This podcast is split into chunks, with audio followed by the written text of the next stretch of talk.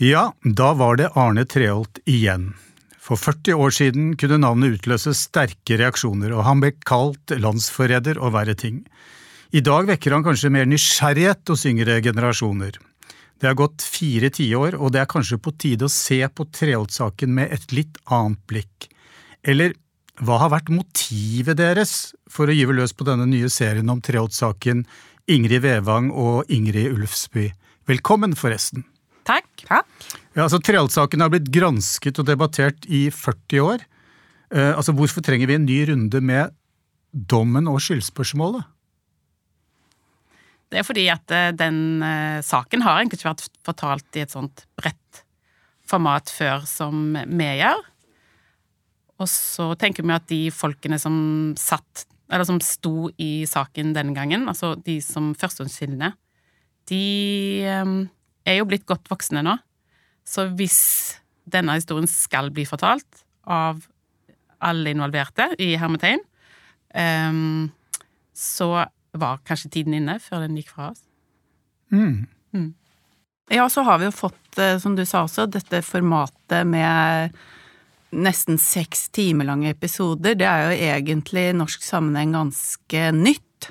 Fordi egentlig begynte jeg å tenke på denne saken her allerede i 2014, da vi lagde Datoen. En litt mer sånn portrettserie med, hvor Arne Treholt var med. Og da fortalte vi på en måte ikke saken, det var litt annen type serie, men nysgjerrigheten ble jo vekket uh, i aller høyeste grad uh, i researchen da. Men, og jeg tenkte dette må vi gjøre noe på, men det var ikke Det var så stort at jeg tenkte det, det går jo ikke å, å, få alt dette med. Men så kom jo noen år senere så lagde jo vi lagde Orderud-serien, og det var mange andre kanaler som vi liksom tok dette store formatet, og, og publikum var klare for det. Så da, da kom den tanken opp igjen at nå, nå er vi klare for å få hele historien. Så da tok vi kontakt med Arne igjen. Mm. Og, og, og, så i tillegg så er det jo tiden vi lever i, for også i 2014 så var det jo annekteringen av Krim, og det, den kalde krigen har jo på en måte blusset opp igjen. Mm. Eh, sånn at de kalde frontene er, å og nå, ikke minst. Mm. Og, og, det som vi har lært da, gjennom dette med etterretning, er at når det er kaldt, da blir dialogen mindre, og etterretningen blir desto viktigere. Sånn at det, det å lære litt om etterretning også, det har vært viktig. Det er ikke bare vi skal ta tak i dommen. Nei. Så det er jo hele bildet. De av oss som eh, var så gamle at vi så på Dagsrevyen i 1984, når, eh, når, på en måte denne saken smalt, vi husker at det var en ganske uforsonlig og kald atmosfære. Det var harde ord. og, og nå møter vi igjen flere av de sentrale aktørene som er atskillig mildere i tonen. Eh, litt sånn i etterklokskapens lys, kanskje, men, men også Arne Treholt er jo også med, som du er inne på, og, og er en elskverdigheten selv ofte. Altså veldig åpen. Uh, og det er jo på en måte noe som fremheves veldig ofte, og kanskje noen ganger antydes kunne være en årsak til at han havnet ute på glattisen. At han var veldig åpen. Men, men, men hvordan fikk dere på en måte hans tillit? Det gikk tydeligvis bra. Han var fornøyd med første, første produksjonen dere lagde sammen med han, tydeligvis? Ja, jeg tror det begynte der. Ja. Eh, fordi det var et veldig godt samarbeid, og det på en måte handlet ikke om saken i den forstand heller, så det var jo ikke så uh, brennbart, kan du si. Mm. Uh, sånn at da fikk man en, en, Jeg tror det var på en måte årsaken til at når vi spurte han om et møte, at han sa ja, og at han var positiv, uten at vi lagde noe som helst kontrakt eh, på, i det første møtet. Men eh, vi gjorde veldig klart at hvis vi skal fortelle denne historien, så, så skal vi gjøre det fra begge sider, og han var jo på bordet på blokka med masse kilder både fra den ene og den andre siden. Ehm, men han hadde nok selvfølgelig et ønske, og det hadde vi også, om å fortelle en litt større historie også, om øst og vest.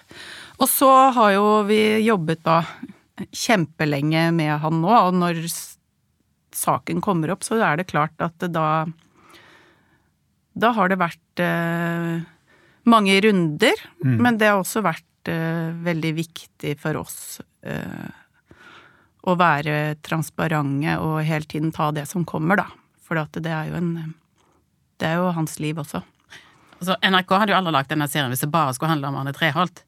Så de var også veldig opptatt av når vi pitcha serien, at det skal handle om noe, noe større enn det. Det skal mm. handle om øst-vest, som Ingrid snakker om. Det skal handle om etterretning.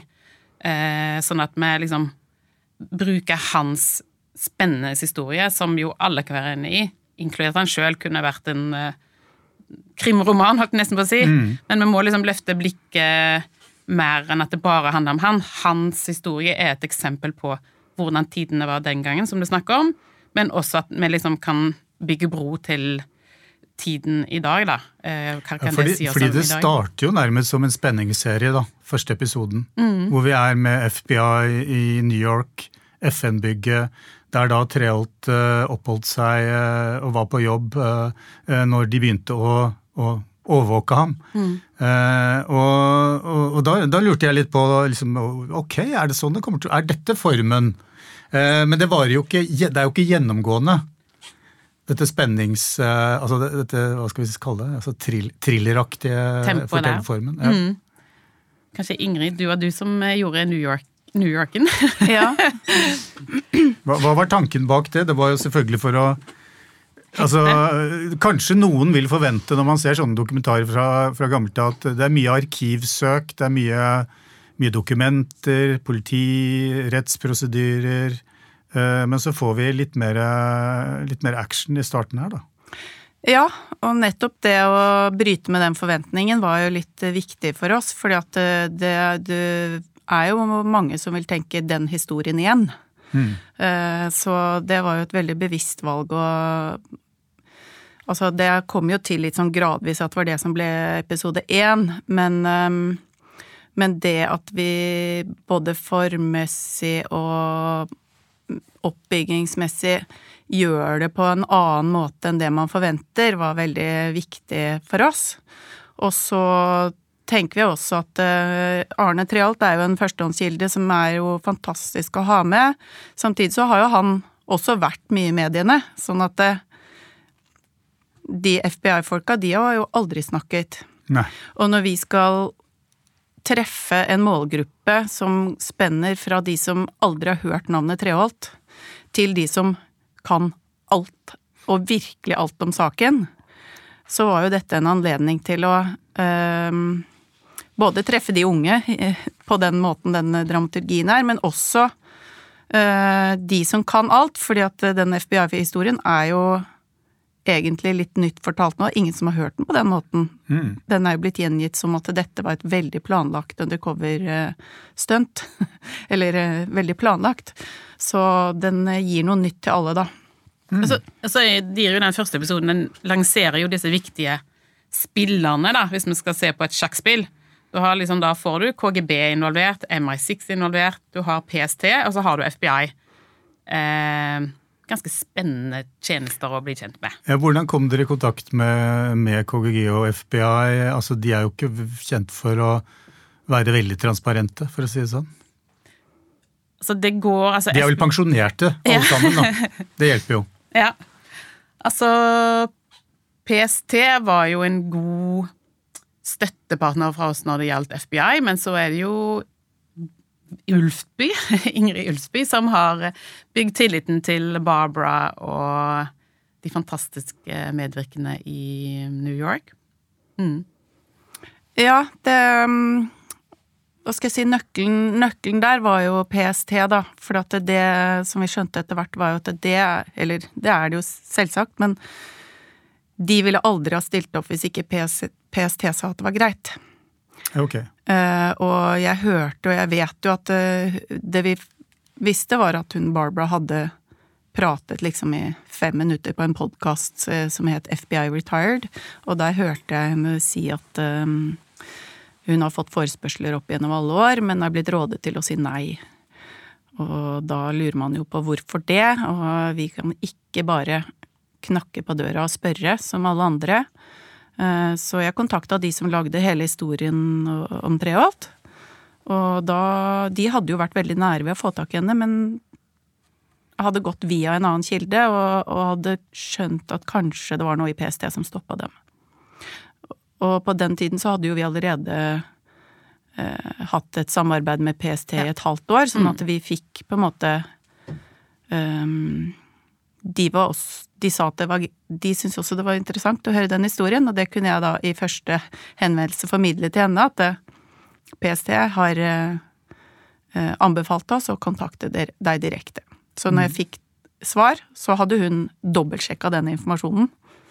Mm. Og når det viste seg å være riktig, så kunne jeg få lov til å sende henne en mail. Også derfra, så. Men når dere får tillit fra PST, FBI, eller tidligere FBI-ansatte og KGB-ansatte, så er det klart kanskje at det, det ligger en, for, en, en, fordring om at man skal behandle det her med, med hva skal vi si, sensitivitet, og, og ikke ta av i eh, sånn spiondramaretning. Eh, men dere begynner med slags, en slags spennings, spenningsform på det. Men kan du si noe om balansegangen da opp mot det jeg nevnte i stad om det litt sånn det som kan virke litt trivielt, da, altså arkivsøk, politiprosedyrer, juridiske prosedyrer, oppsummering av rettssaker, hvem sa hva. Altså Det er jo krevende å få det til å, å få folk altså, til å bli sittende og se på det.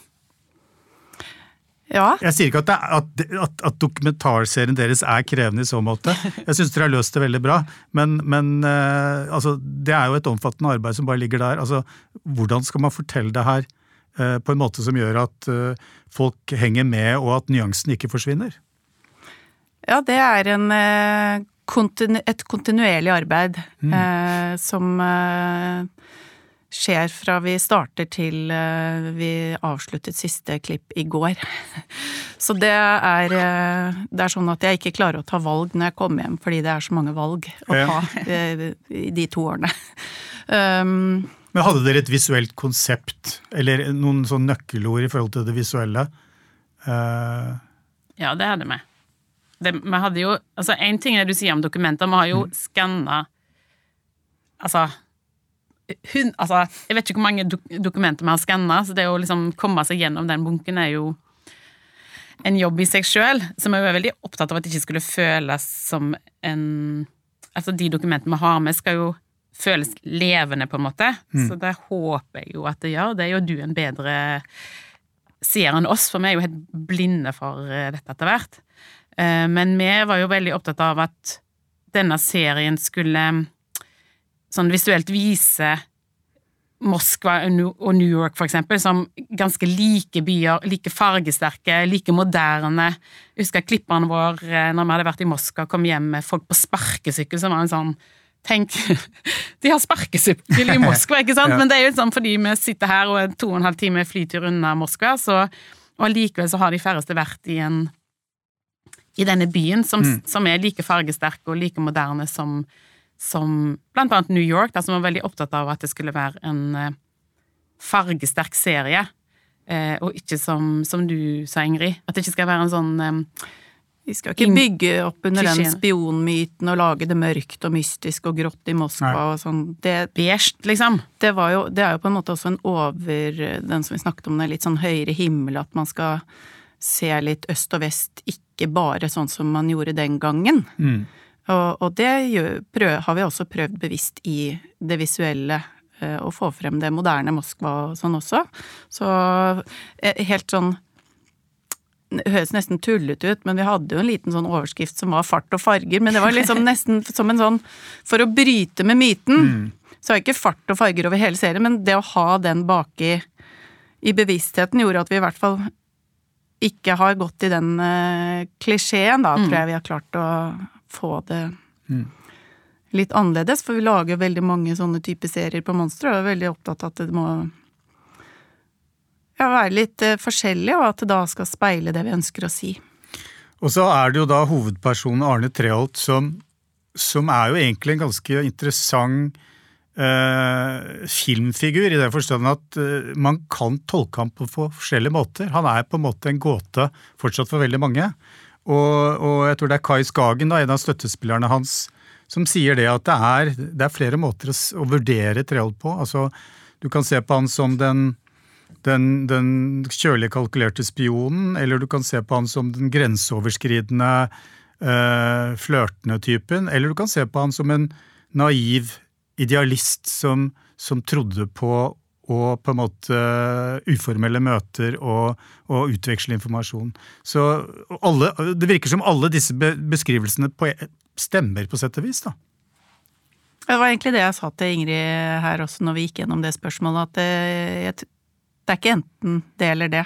Det går an å være flere ting på en gang. Ja. Um, og så vil jo det antageligvis være veldig mange meninger om eh, hvor det lander eh, hos folk. Mm. Men eh, vi prøver jo å vise så mange sider som mulig, da. Fordi Uten var, at vi har jo ikke noe fasit på det. For det var ikke interessant for dere. Dere fulgte ikke et spor. Nå skal vi, nå skal vi finne ut om altså, Eller på ene siden så følger dere sikkert noen spor her, men på den andre siden så har dere vel ikke hatt noen agenda om å, om, om å komme til bunns i skyldspørsmålet nødvendigvis? Eller? Nei, altså dette er ikke en historie om Altså, vi tenkte når vi begynte med denne serien og hadde lest opp, oss opp litt, så er liksom spørsmålet hvordan Og det tenker han sjøl, og så tror jeg alle tenker hvordan havna han der?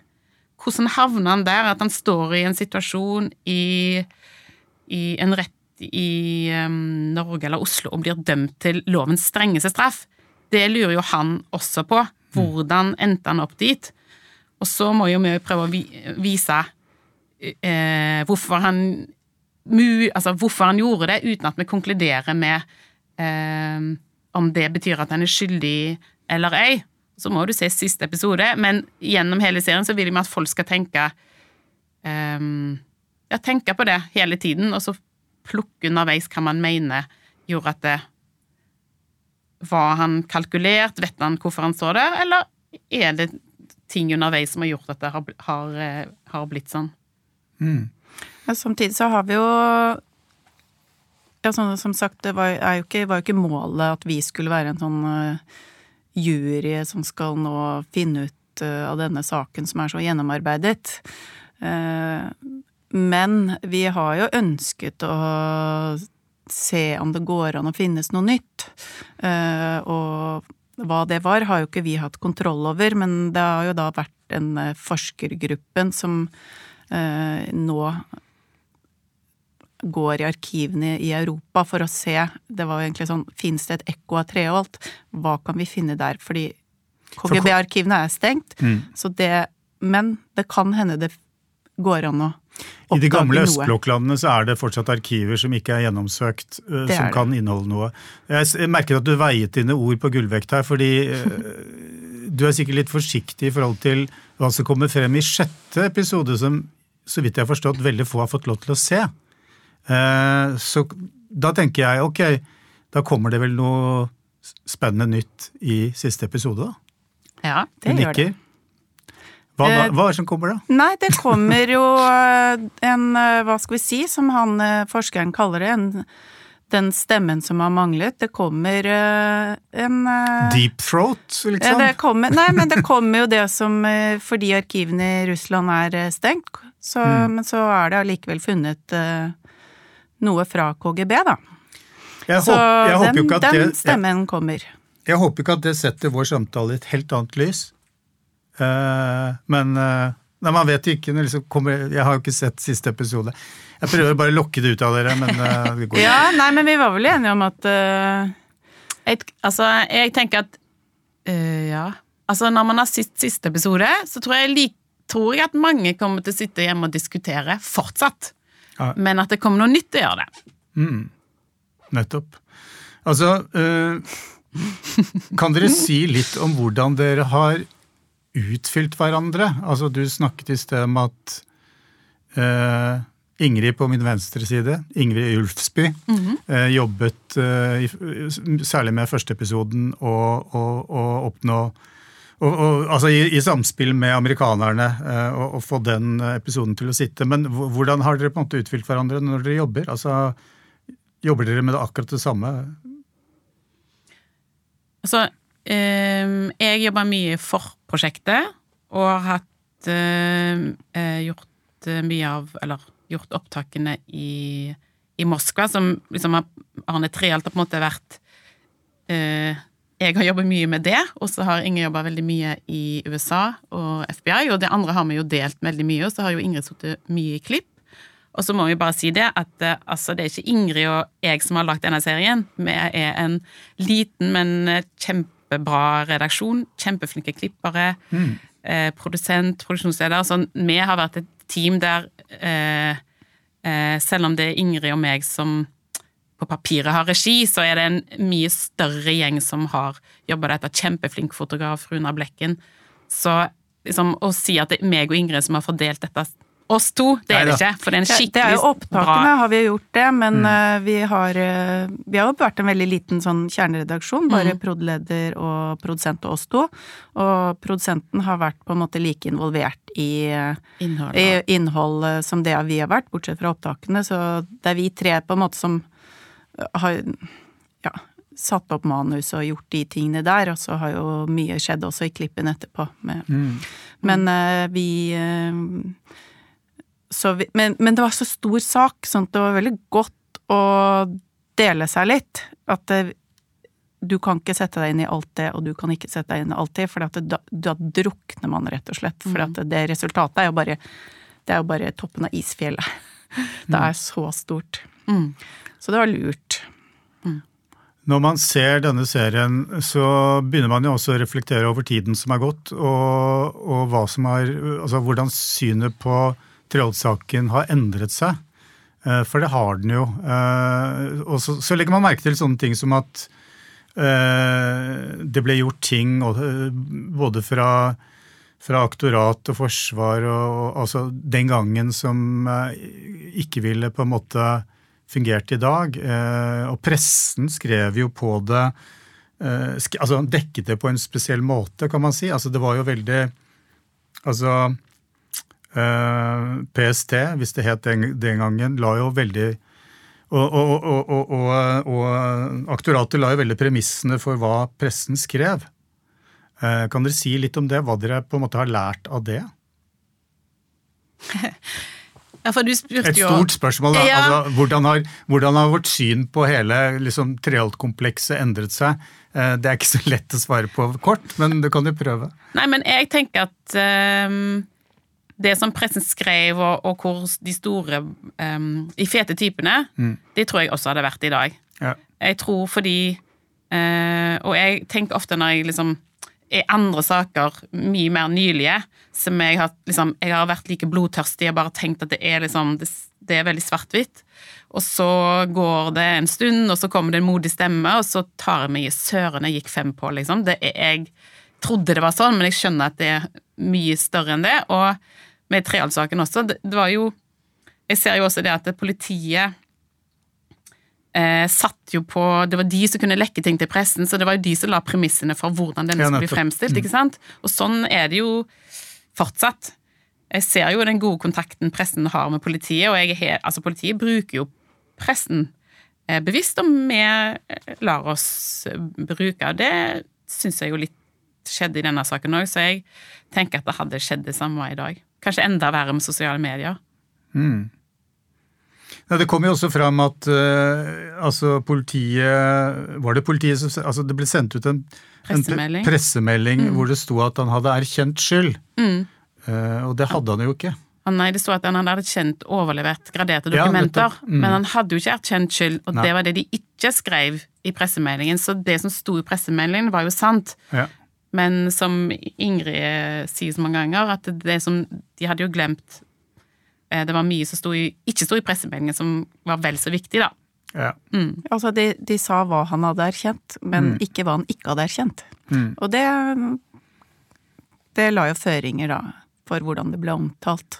Selv om selvfølgelig alt det som var erkjent, var jo også ting som eh, det var, jo ikke, det var jo ikke småtterier, det heller, men det liksom alvorligste i tiltalen, som var paragraf 90 til fare for rikets sikkerhet, det hadde han da ikke erkjent.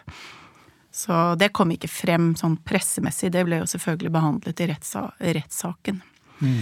Men um, den allmenne oppfatningen var jo på en måte forhåndsdømming. Mm. Men, men, dere nevnte det at den kalde krigen er tilbake eh, på ikke akkurat den samme måten, på litt andre måter, men likevel. Men på den tiden da, på 80-tallet, så var det jo en ordentlig kald krig, og det var harde fronter og og altså Det var jo en slags heksejakt på Arne Treholt. altså, det var jo et vanvittig trykk. Mm. Eh, og kan dere si litt om hvordan dere på en måte har jobbet for å få frem, gjenskape den atmosfæren som, som hersket den gangen?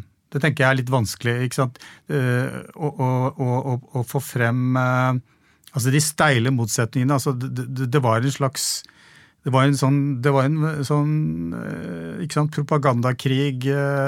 Det var øst mot vest. Man finner jo det i dag også, men, men, men, det var jo på en helt annen måte. Det var noe helt sånn fundamentalt ved livet den gangen. Jeg vet ikke hvordan Tenker du presse nå, eller for de Nei, som nå, ten nå tenker jeg rett og slett ja. uh, selve atmosfæren i samfunnet. Ja. Altså, altså Thomas Wegner Fri, som jo er han forskeren vi bruker, mm. han sier jo det at det hadde Treholt blitt arrestert bare fem, fire år senere, fem år senere, så hadde han fått en helt annen behandling. Han hadde fått en helt annen straff. Det finnes lignende saker fra Danmark og sånn, mm. der man ser at det er folk som har blitt tatt liksom på fersken, har innrømmet skyld, altså får mye mildere straffer. Så jeg tror at eh, at um, at den kalde krigen gjorde det med oss som, som, som Og de skal statuere et eksempel. Altså man sier at liksom Hvis du går til den såkalte fienden, som han påstår at han gjorde, mm. da skal du se hva som eh, Hvilken skjebne som venter deg. Mm. Vi har jo også Der har vi jo ønsket å se det fra både øst og vest, sånn at både Og jeg liker jo at det er disse førstehåndskildene som får si at uh, det var sånn jeg opplevde det. Jeg så på de som de onde, og mm. vi var de gode. Det var sånn jeg opplevde det da, og det, det er jo på en måte en helt ærlig sak. Sånn var det da. Og så får disse KGB-folka si at eh, vi var redde for eh, USA. Mm. Sånn opplevde vi det. Vi er eh, på hver vår, på hver vår side med den samme frykten. Mm. Og sånn er det jo nå òg. Det er jo det det handler om. Mm. Russerne er like redde for krig som amerikanerne, så det bør være litt mer dialog her, så for at det, det skal gå den riktige veien. Så det er en dialogfremmende serie, kanskje? Ja, jeg håper det. Ja.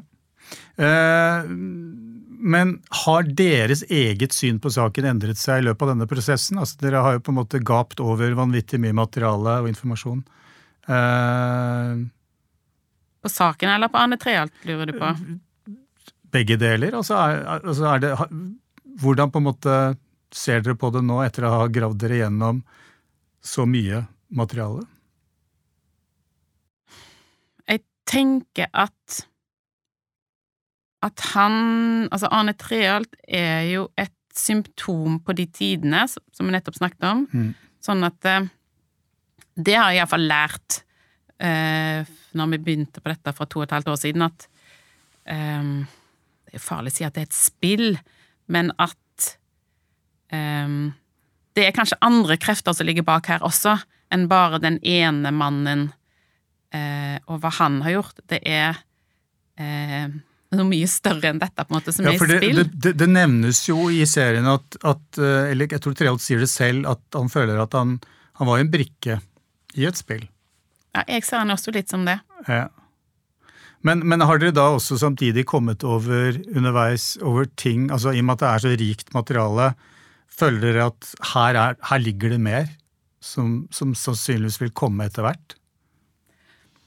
Jeg tenker iallfall at masse av arkivene til PST er fortsatt eh, hemmelige, det er masse mm. beslag, det er masse ting. Så jeg tenker at det, denne saken kommer fortsatt til å bli forska på. Det kommer fortsatt til å dukke opp ting som gjør at det, at, um, at man lærer noe av det. Altså jeg tror de unge, Hvis det er unge i dag som ser den serien og har lyst til å dyptykke i noen papirer der, så er jeg helt sikker på om jeg kan fortelle noe nytt mm. om noen år igjen. Ja. Ja, og disse forskerne har jo på en måte bare holdt på en liten stund. Det er jo, det er jo mye mer Kan jo være mye mer å hente i det arbeidet de har begynt på også. Mm. Så Ja, nei, Det blir spennende å se da i episode seks hva som kommer frem, om det er noe mer å hente etter det igjen. Men eh, tusen takk for at dere ble med i Filmsamtalen, Ingrid Vevang og Ingrid Ulfsby. Selv Takk for